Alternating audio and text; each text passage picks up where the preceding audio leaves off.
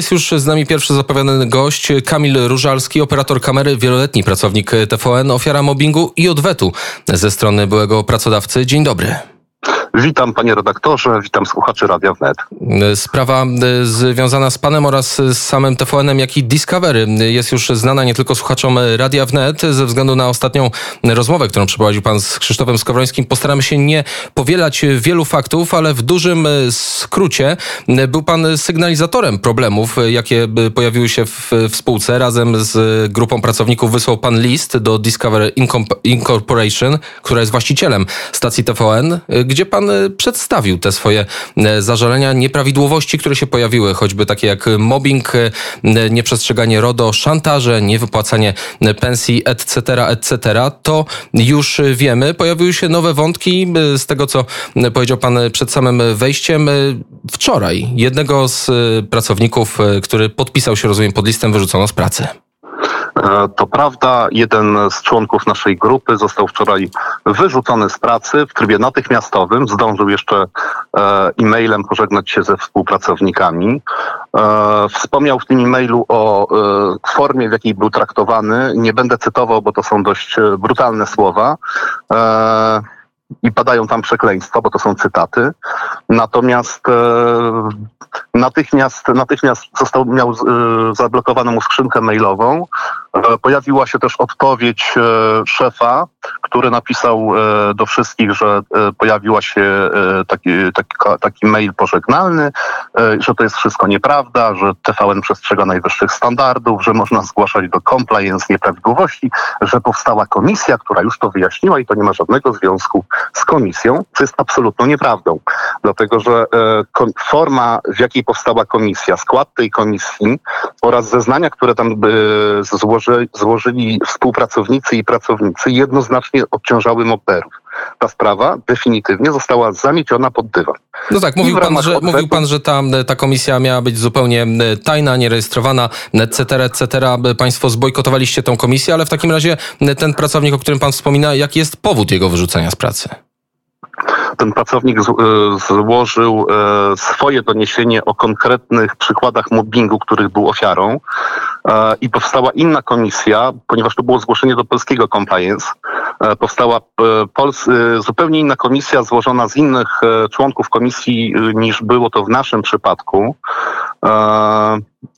I to się działo y, w zeszłym roku. Efektem, efektem tego to, y, było to, o czym powiedziałem przed chwilą, czyli e, zamiecienie sprawy pod dywan, nic się nie wydarzyło, to nieprawda, e, a wczoraj okazało się, że Robert Wyczałkowski e, przestał móc pracować w TVN24. Do tych wątków na pewno również wrócimy.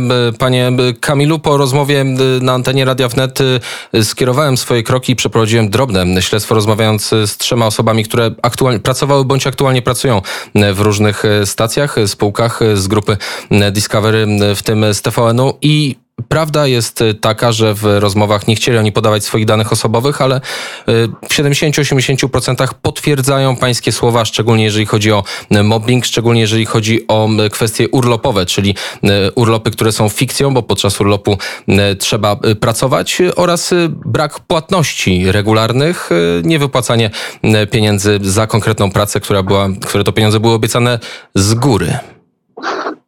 To wszystko prawda. Dodam jeszcze, wracając na chwilę do komisji, że e, Discovery Inc. tak wymyśliło e, sposób zgłaszania nieprawidłowości, by wyłapywać ludzi, którzy są niepokorni. Przekazując e, ich dane, łamiąc w ten sposób tajemnice danych osobowych sygnalistów. To jest bardzo poważny, poważny zarzut, na który mamy dowody. Czyli czarna lista ludzi, którzy mówią głośno, że coś jest nie tak. Dokładnie tak. To jest tylko po to, żeby tych ludzi zastraszyć, pognębić, e, pozbyć się w nich w efekcie firmy, bo ja też e, jestem ofiarą pozbycia się z firmy w wyniku tego zgłoszenia.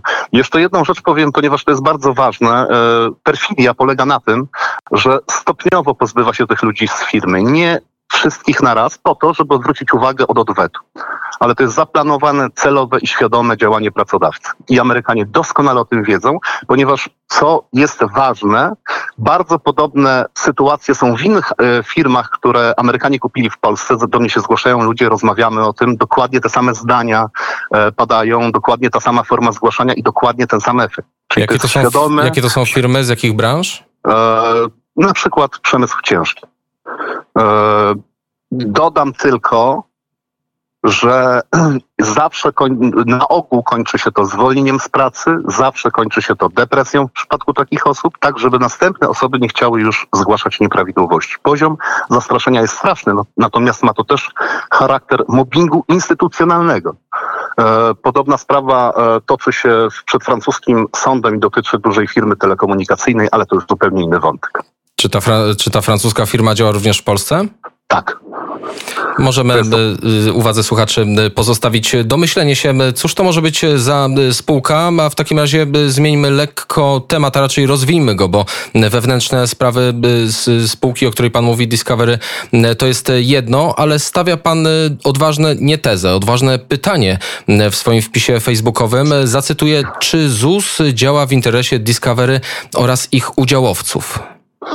Prawda, ponieważ e, dokładnie 7 października 2019 roku e, kancelaria, która nas reprezentowała wtedy, złożyła e, skargę na pracodawcę TVN SA. E, 22 października pismo uzupełniające zostało dosłane do e, Zakładu Ubezpieczeń Społecznych e, i do tej pory ZUS nie podjął kontroli. Jeżeli e, państwu nie zależy na odzyskaniu ponad 400 milionów, 400 milionów złotych, to to pytanie jest jak najbardziej zasadne. Mówimy o y, pieniądzach zaoszczędzonych na y, typie umowy y, z Dokład- pracownikiem? Dokładnie tak, bo to, ta kwota wynika z, ze składek ZUS, które powinny być odprowadzone zgodnie z prawem pracy. Ponieważ charakter pracy tych ludzi, e, czyli w 2018 roku jeszcze e, około 1800 osób miało charakter pracy na umowę o pracę. Czyli, jeżeli dobrze rozumiem, y, firma ukrywa te informacje przed, y, przed ZUS-em i y, nie chcę użyć złego słowa, może zadam pytanie. Oryginalnie zarządza kwestiami podatkowymi? Trudno mi to powiedzieć, ja nie jestem w stanie odpowiedzieć na to pytanie, czy to wygląda w ten sposób. Ja wiem tylko, że w TVN SA e, znaczna część osób jest nie, zatrudniona niezgodnie e, z polskim prawem pracy.